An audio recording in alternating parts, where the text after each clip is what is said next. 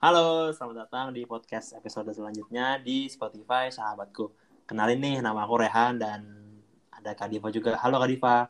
Jadi kali ini kita akan ngebahas apa sih Kak? Halo Kak Rehan, jadi hari ini kita akan ngobrol seputar pola pengasuhan orang tua kepada anak. Banyak faktor yang mempengaruhi perkembangan seorang anak nih Kak, terutama bagaimana cara orang tua sendiri mendidik atau mengasuhnya. Ya nggak sih Kak? Iya bener banget tuh Kak menurutku memang seperti itu sih. Orang tua tuh mempunyai peran yang penting banget untuk mengasuh anaknya dan harus hati-hati banget pada saat membimbing. Karena kan pada saat masih kecil itu kan mudah banget tuh untuk meniru hal-hal.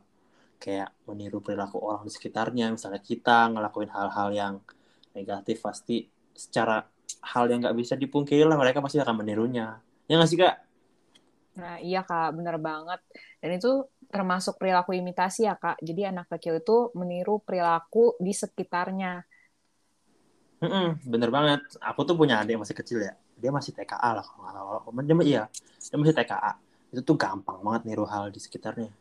Jadi kalau kita udah dewasa nih, kita kita yang kita sebagai orang dewasa tuh hati-hatilah untuk melakukan hal yang negatif. Gak bisa dipungkiri pun mereka akan mengikutinya. Makanya nih sebagai orang tua kita tuh bukan kita sih karena kita masih masih belum belum punya uh, belum belum berkeluarga ya.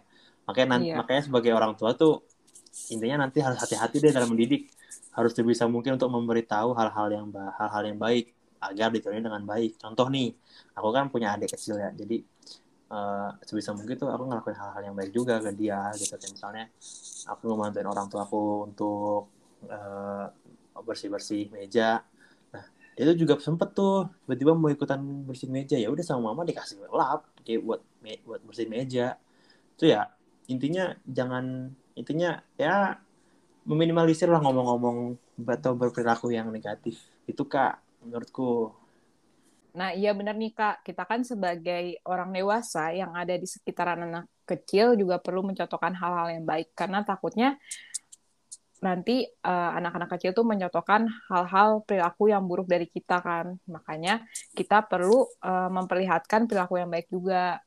Dan kan kita belum menikah nih Kak dan juga belum punya anak. Jadi mungkin kita bisa tahu nih gambarannya tuh gimana sih.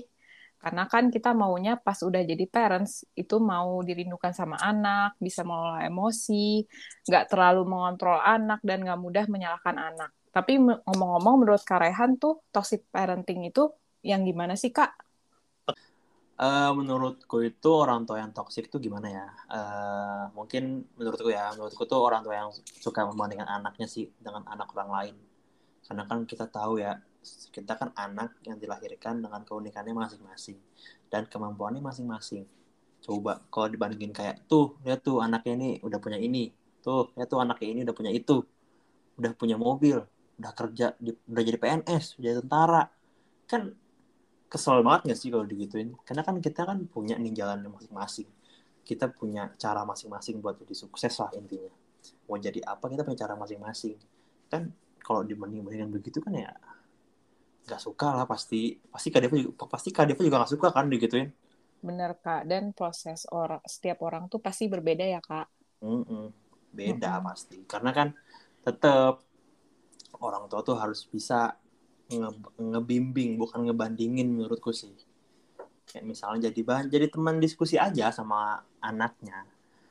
Misalnya anaknya datang ke mamanya atau ke papanya ma apa aku mau kuliah di sini menurut papa gimana? Itu kan bisa diskusi.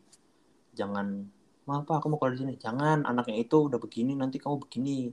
Kan dibanding bandingin jadi kan nggak kayak kurang aja gitu seharusnya. Nah tapi itu kan menurutku ya. Kalau menurut Kak toxic parenting itu kayak gimana sih kak kalau menurut aku toxic parenting itu cara mengajar orang tua ke anaknya nggak pas kak. Jadi anak tuh merasa nggak percaya diri dan nggak bisa berkembang. Contohnya orang tua yang selalu mengkritik anak tanpa memberikan solusi saat anaknya sedang melakukan hal-hal yang baru. Padahal seharusnya orang tua itu mendukung selagi hal itu positif bagi anak. Dan akhirnya anak gak bisa bebas melakukan hal-hal positif yang memang mereka ingin coba karena selalu ada judgement dari orang tuanya menurut aku okay. seperti itu sih kak yang uh, bisa dianggap toxic parenting gitu. Iya yeah. sih itu bisa juga sih. Jadi anak itu jadi nggak bebas ya. Ya karena menurut anak itu positif ya dilakuin. Tapi kalau misalnya orang tuanya bilang nggak nggak boleh nggak boleh ya jelasin kenapa nggak bolehnya gitu. Dan harus bisa ngasih solusi apa kamu nggak boleh ini tapi kamu harusnya kayak gini. Kan gitu bisa ya kak ya tapi ini kak kan Karehan punya adik yang masih kecil kan yang kalau nggak salah di rumah. Mm-mm, masih ada sih yang umur yang TKA masih ada. Masih kecil banget nih. Nah kalau kakak sendiri merasa kayak membantu mengasuh juga nggak sih di rumah? Kan ada yang juga masih kecil ya kak. Uh, aku sih di rumah mbak suka bantu ngasuh sih. Karena kan setiap sekolah pun setiap dia sekolah pun aku tuh ngantar juga dan jemput juga tuh aku gitu jadi kan kayak misalnya ya banyak sih aku ngasuh-ngasuh dia juga banyak sih kak.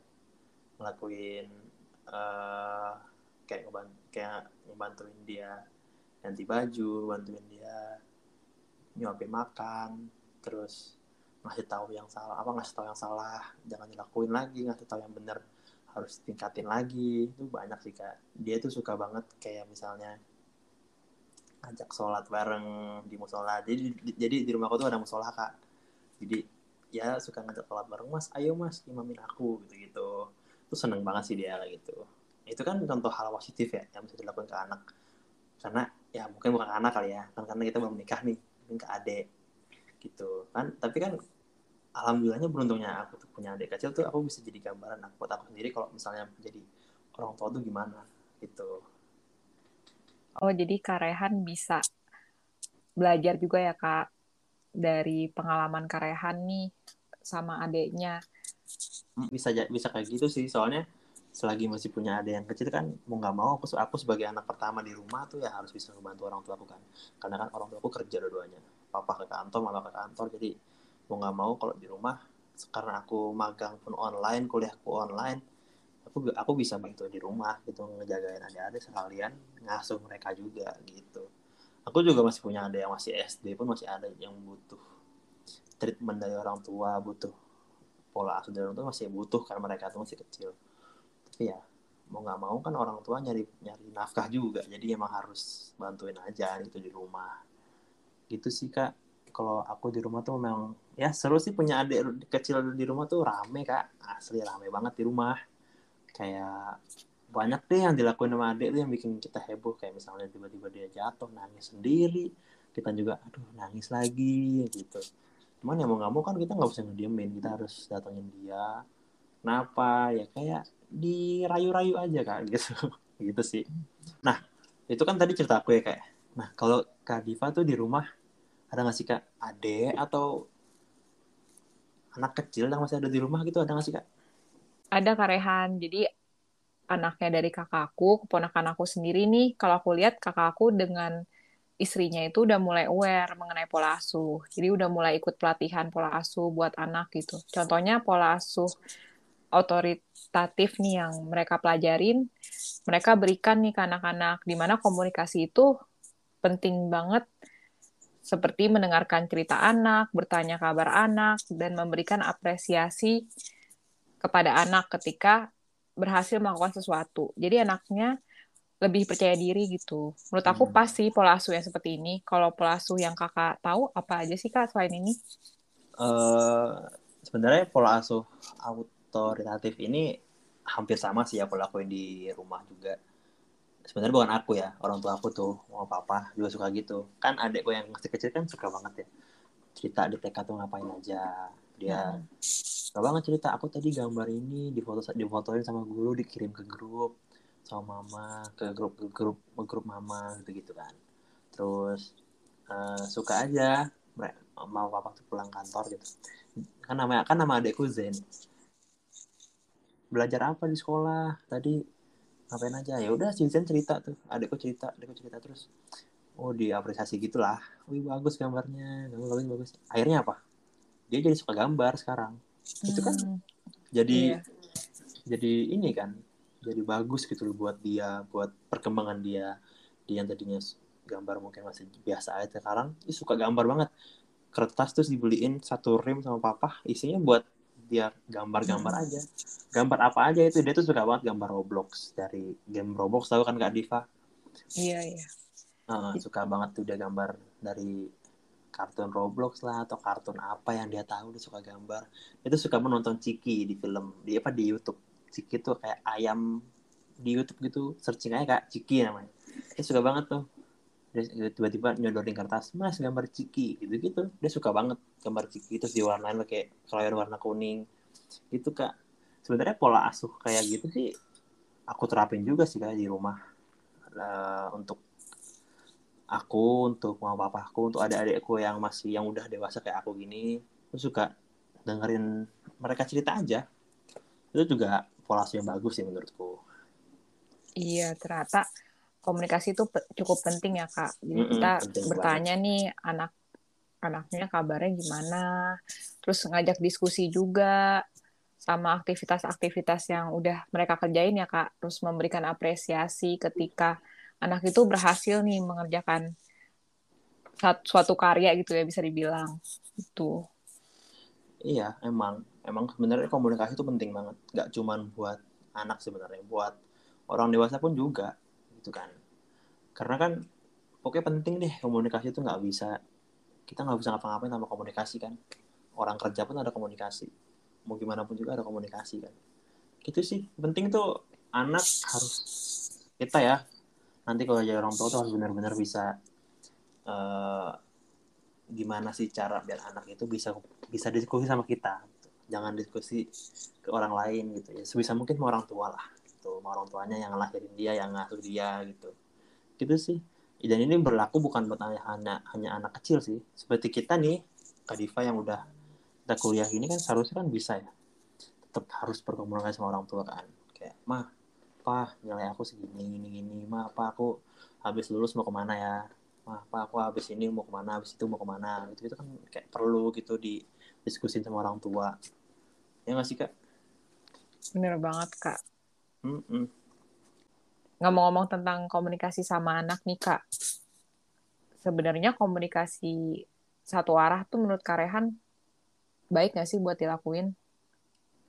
Komunikasi satu arah itu sebenarnya salah satu sikap otoriter orang tua kalau terhadap anak sih kak. Sebenarnya satu arah itu menurutku ya sebagai anak nggak pernah sih ngerasain yang namanya komunikasi satu arah sama orang tua aku. Karena orang tua aku tuh bener-bener yang ngasih semuanya ke aku selagi itu positif. Jadi kayak misal aku waktu itu kan ini, ini cerita dikit ya. Jadi dulu tuh aku sempat gagal masuk ke dinasan militer. Nah itu aku tuh benar-benar nggak punya pilihan kan mau ngapain? Mau gap year tapi kok nggak mau? Di dalam hatiku tuh kayak nggak mau mau gap year.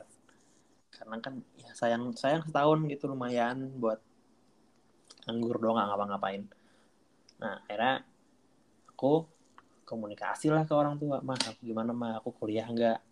Atau aku mau persiapan lagi buat tahun depan nyoba lagi. Mama langsung ngomong kamu kuliah aja. Gimana? Itu kan termasuk diskusi kan ada kata-kata gimana? Menurut kamu gimana?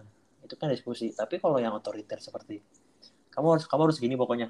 Mau mau nggak mau papa nggak mau tahu mama nggak mau tahu kamu harus begini. Itu kan otoriter.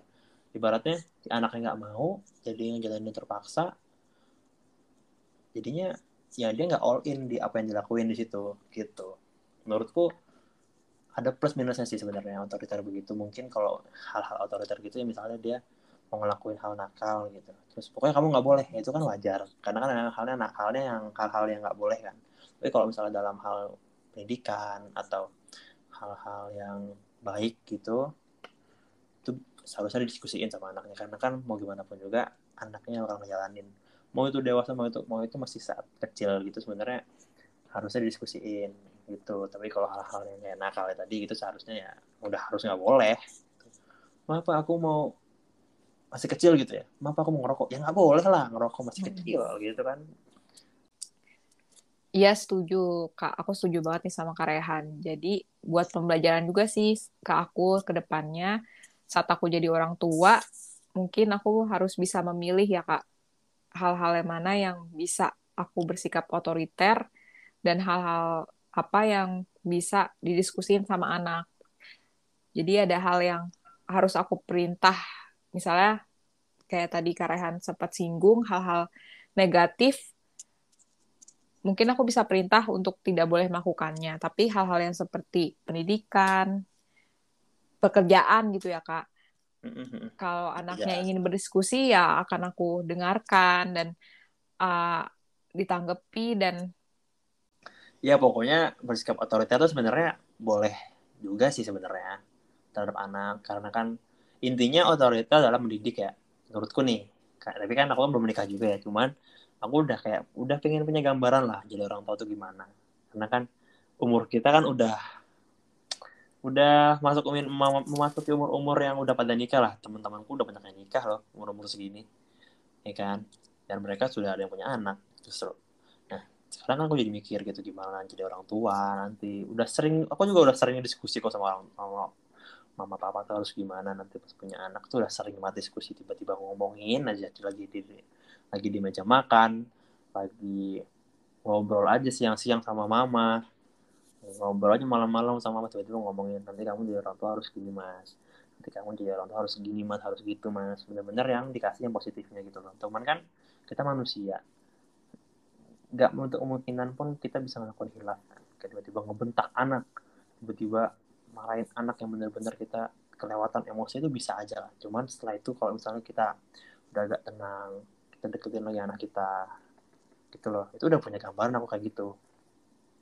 Karena kan orang tua aku pun it's okay lah mereka juga sempat marah gitu emosi tapi kan ya mereka tetap manusia gitu nggak nggak luput dari salah ya kan kak Diva iya kak benar pasti ada kesalahan-kesalahannya dalam mendidik pastinya. Hmm, pasti. Buat uh, aku juga nantinya gitu, pasti uh, akan ada kesalahan. Tapi mungkin kita bisa ini akan lebih gimana ya berusaha mungkin ya. Mm-mm, berusaha mungkin berusaha kita bisa lah mm-mm. mengelola emosi kita tuh penting banget. Iya dengan. Gak cuman terhadap orang anak sih, terhadap orang lain pun sebisa mungkin kita bisa mengelola emosi. Gitu. Iya benar banget. Benar banget kan dan pola asuh ini juga penting ya kak buat di kita pelajarin. Mm-mm, penting banget soalnya kan nanti kita mau insya Allah nih umur panjang amin gitu ya kita kan nanti kita akan nikah kita akan membangun rumah tangga ya kan? Ya pokoknya kita akan melewati masa-masa jadi orang tua nanti.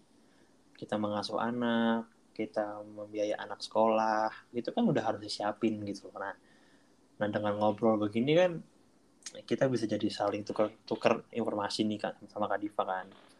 Gimana gitu kan pola asuh pola asuh rum, pola asuh di rumah Kak Diva mungkin beda sama pola asuh di rumahku FYI aja nih pola asuh di rumahku tuh benar-benar yang namanya tuh keras militer karena orang tua aku dari tanah militer. Mungkin kalau Kak Diva kan mungkin beda sama tanah eh, apa ranah pola asuh di rumahku tuh karena mungkin rumah pola asuh rumahnya Kak Diva tuh non militer jadi kan itu kan dua hal yang berbeda kan. Itu sebenarnya pokoknya menurutku tuh setiap rumah setiap rumah tangga ya setiap rumah tangga tuh punya pola didiknya masing-masing asalkan nggak nggak toksik aja sih sebenarnya gitu sih kak iya bener kak sebenarnya pola asuh itu ya dibebaskan aja ya kak mm -hmm. cuman gimana caranya kita tetap yang kayak tadi kita sempat singgung nih kak tetap hmm. harus bisa terbuka sama anak, iya, berdiskusi bener. sama anak dan uh, uh, bener banget. Berarti kunci terpentingnya itu komunikasi sih kalau menurut aku. Gitu. Nah, emang tetap hmm. mau gimana pun juga komunikasi sih kan. Tetap harus komunikasi sama anak. Misalnya kita lagi gimana lagi lagi lagi moodnya lagi enak nih, anak itu cerita. Kita mau nggak mau harus moodnya harus mengondisikan kan. Harus bisa menyes menyesuaikan gitu. Anak ngomong apa kita harus respon. Dia masih anak kecil ya jadi anak kecil kan harus butuh-butuh banget yang namanya perhatian orang tua kan. Itu sih. Bener kak. Uh, komunikasi itu uh, penting banget nih cara kita berkomunikasi dengan anak dan cara-cara biar nggak mudah meledak nih emosinya ke anak itu gimana sih cara kita meredam emosi kita sendiri ketika berbicara sama anak dan uh, ngerti juga ya kak yeah. komunikasi efektif ke anak uh, itu bagaimana gitu biar yeah. hubungan kita ke anak jadi hubungan yang sehat dan bukan uh -uh. toxic parenting bener banget. Makanya Div nanti nih kalau aku ya udah jadi orang tua gitu udah punya anak gitu ya pengen banget sebenarnya bisa ngebimbing anak tuh dengan benar dengan tepat gitu. Kalau misalnya nggak ngebentak tapi ya nama juga manusia ya Div ya. Pasti kalau Hmm. emosi suka nggak kontrol ya. Ada barang apa pengen dilempar. Ada Hmm. ada apa pengen dilempar. Ada ada apa pun pengen yang deket kita pasti pengen dilempar. Tapi eh, dari sekarang sih sebenarnya dengan orang lain pun aku udah bisa mengontrol emosi ya. Udah harus bisa lah yang namanya Iya. mengontrol emosi itu benar-benar harus bisa. Karena kan nanti ujung-ujungnya buat kita buat kita juga kan. Kalau kita udah punya anak gitu misalnya anak kan dibentak dikit gitu apalagi masih kecil. Mm-mm. takutnya minta ampun gitu bisa takut. Aku nggak adekku sendiri gitu aku misalnya lagi emosi Mm-mm. gitu ya. Adekku tiba-tiba aku nggak sengaja ngebentak nih. Dia langsung kayak nutupin matanya pakai tangan tiba-tiba Hmm. nangis Iya. situ aku langsung feeling feel guilty banget gitu merasa bersalah banget gitu. Langsung eh maaf maafin maaf maafin mas ya maafin mas ya. Sini sini sini Zen mau apa Zen mau apa. Tapi di situ susah juga. Dia Iya, itu iya. tipikal orang yang tipikal anak yang harus diem dulu gitu baru bisa ajak ngomong. Jadi akhirnya aku Mm-mm. bucuk-bucukin Zen mau apa? Maafin ya maafin mas ya Zen mau apa Zen mau apa gitu. Itu sih kak intinya kita harus bisa sih mengontrol emosi itu penting memang. Ke siapa pun nggak Iya.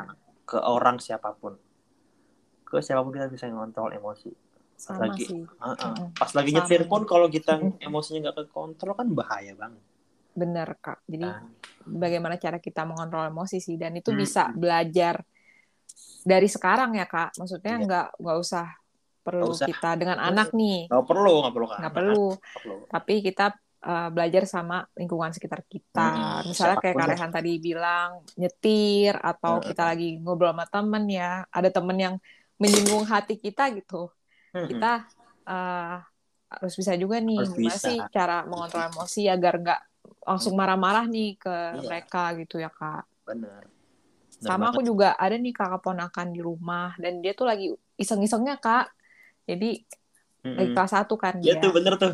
Iya iseng banget. iya anak kecil kalau lagi iseng tuh tiba-tiba Iya. ngejatuhin apa? Ngejatuhin Iya. apa? iya. Kan kita capek ya kan ujung-ujungnya kita Mm-mm. juga yang beresin kan. Betul. Nah dia Tapi- juga sering ini kak apa eh, ngumpetin ngumpetin barang-barang aku atau enggak nanti dia tiba-tiba eh, masuk ke kamar aku terus dia sembunyi nih kak di bawah meja. Kan aku kaget ya. Aku bingung kadang-kadang gimana nih cara ngatasinnya kalau marah juga nggak bakal menyelesaikan masalah kak. Jadinya emang. Mm-mm, emang mau marah pun juga nggak nyelesain karena kan udah kejadian ya kan? Udah mau gimana pun kejadian juga susah. Mau nangis kayak gimana pun juga ibaratnya nasi di bubur gitu nggak bisa diubah lagi gitu kan.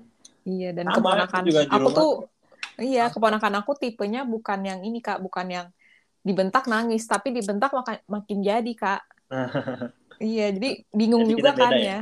Mm, beda. Gimana sih cara ngatasinnya gitu? Kayaknya aku Hmm. perlu belajar belajar lagi sih kak. Iya sih. Ya, karena kan buat bekal juga nanti kita jadi pas udah punya anak ya kan pasti udah iya benar. lah. sama sih sebenarnya aku juga sama gitu sih. Aku kan punya koleksi mainan kecil-kecil gitu Hot Wheel ya. Iya. Hot Wheel tahu kan Hot Wheel? Nah itu tuh kadang dia ini suka pinjam diem-diem gitu. Tiba-tiba bannya hilang satu lah. Hmm. tiba-tiba ada yang rusak lah mau marah gimana? Nggak bisa kembali kan barangnya? Iya jadi iya benar paling ngomongnya gini ngomong sambil ngomong gemes itu ngerti gak sih kayak, kayak, Heeh. kayak, ih kan mas udah bilang jangan dipakai Hmm. gitu ngomongnya tuh kayak jangan dimainin ini ini buat dipajang ke sini doang gitu. Tapi tetap aja si adekku ini emang orangnya melo gitu loh. Nah tiba-tiba langsung nutupin matanya pakai tangan Ah, iya iya. Jadi semenjak kejadian itu ya udah akhirnya telah sabar gitu beli lagi Hmm, gitu loh. benar.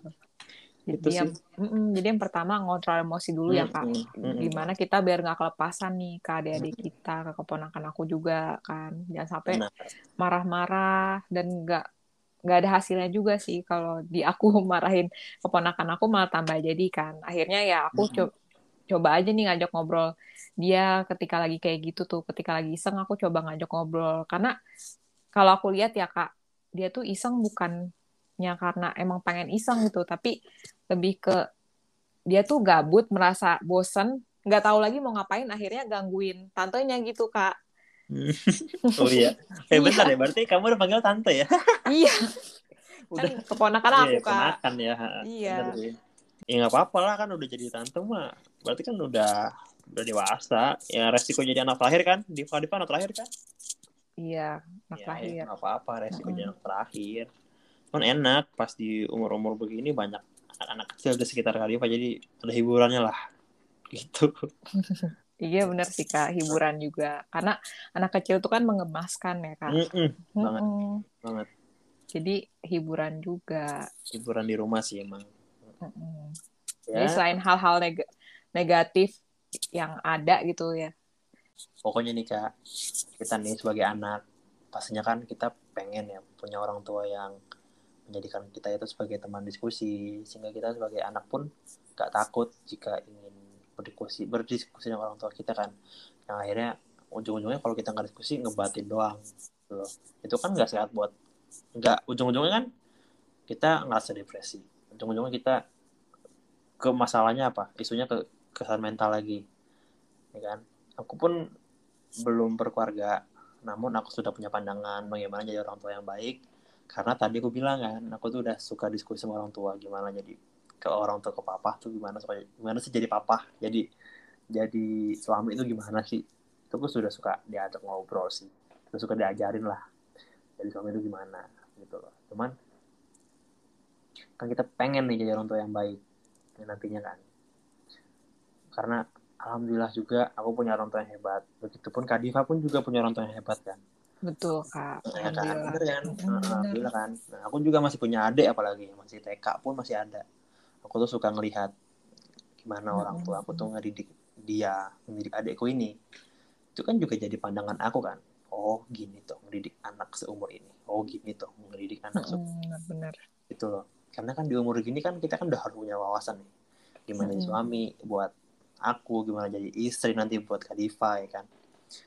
Gimana ngedidik anak deh intinya tuh gimana gitu loh. Walaupun kita belum menikah walaupun kita belum punya eh, apa namanya belum berkeluarga tuh kita kan bisa ngeliat deh sekeliling kita. Misalnya kita lagi di mall ada suami sama istri sama anaknya lagi nyopin anaknya makan gitu kan. Kita jadi punya wawasan kan gimana. Gitu sih kak. Iya nih Kak Rehan. Dari tadi yang Kak Rehan udah singgung juga, Kak Rehan eh, termasuk ini ya Kak, salut juga nih sama cara orang tua mengajarkan ke anak-anaknya gimana. Sama dengan aku juga Kak, aku juga ngeliat nih eh, hal-hal yang baik tuh yang udah orang tua aku berikan ke aku, pola asuhnya yang eh, menurut aku dapat membangun diri aku gitu Kak. Jadi aku tetap bisa mengembangkan diri sampai dengan sekarang itu juga berkat orang tua gitu. Mm-mm. pasti sih Heeh, dan banyak hal-hal lainnya juga yang aku bisa contoh nih. Seba- eh, misalnya dari kakak-kakak aku kan juga udah Iya, pada benar. punya anak ya Kak. Jadi aku bisa Mm-mm, contoh juga jelas. cara dia ngasuh cara mereka ngasuh anaknya bagaimana. jadi sebenarnya enak sih jadi Kadifa tuh karena udah punya kakak-kakak yang udah nikah kan jadi gambaran untuk berkeluarga tuh udah ada gambarannya dari kakak-kakaknya sendiri. Kayaknya sih Kadifa deket sama kakaknya ya? Lebih deket ya sama kakaknya ya? Iya, kan Kak aku juga banyak nih Kak. kan? Banyak kan? Jadi udah punya gambaran gitu loh dari orang tuanya dari kakak-kakaknya apalagi. Jadi ya Iya, beruntung sih sebenarnya.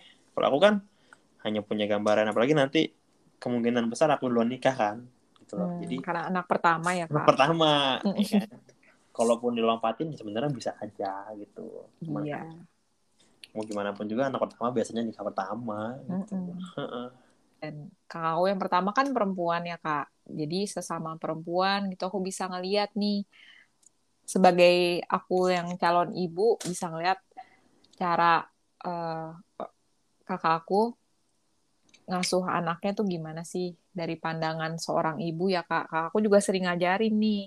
Biasanya kakakku eh, ngasih tahu kalau eh, anak itu perlu nih diajak untuk berdiskusi, diajak untuk ya diskusi apa aja sih Kak. iya kak benar itu pasti nanti sangat berguna lah buat kita eh, pas sudah punya anak gitu ya Mm. karena kan kita pengen gimana kita mendidik anak kita tuh benar-benar yang jauh lah dari yang kata toksik gitu loh. Walaupun mungkin mereka nggak ngerti ya ini toksik gak sih? Masih kecil ya kan? Mungkin kalau kita udah dewasa gini orang tua kita ngomentak adik kita yang masih kecil gitu. Kita bisa ingetin tuh mah jangan gitu mah dia masih kecil jangan mah pah jangan gitu itu kan bisa. Itu sih Pokoknya anak itu refleksi dari cara orang tua itu sendiri mendidik. Jadi kalau misalnya orang tua menginginkan anaknya menjadi anak yang baik, maka cerminkanlah hal-hal yang baik pada anak. Nah, itu benar banget sih Kak yang tadi bilang sama Kak Diva. Pokoknya, terima kasih telah mendengarkan podcast sahabatku. Tunggu episode-episode selanjutnya dari sahabatku dengan terus memantau konten-konten Instagram sahabatku di @sahabatku underscore app dan channel YouTube sahabatku, sahabat ayah bunda.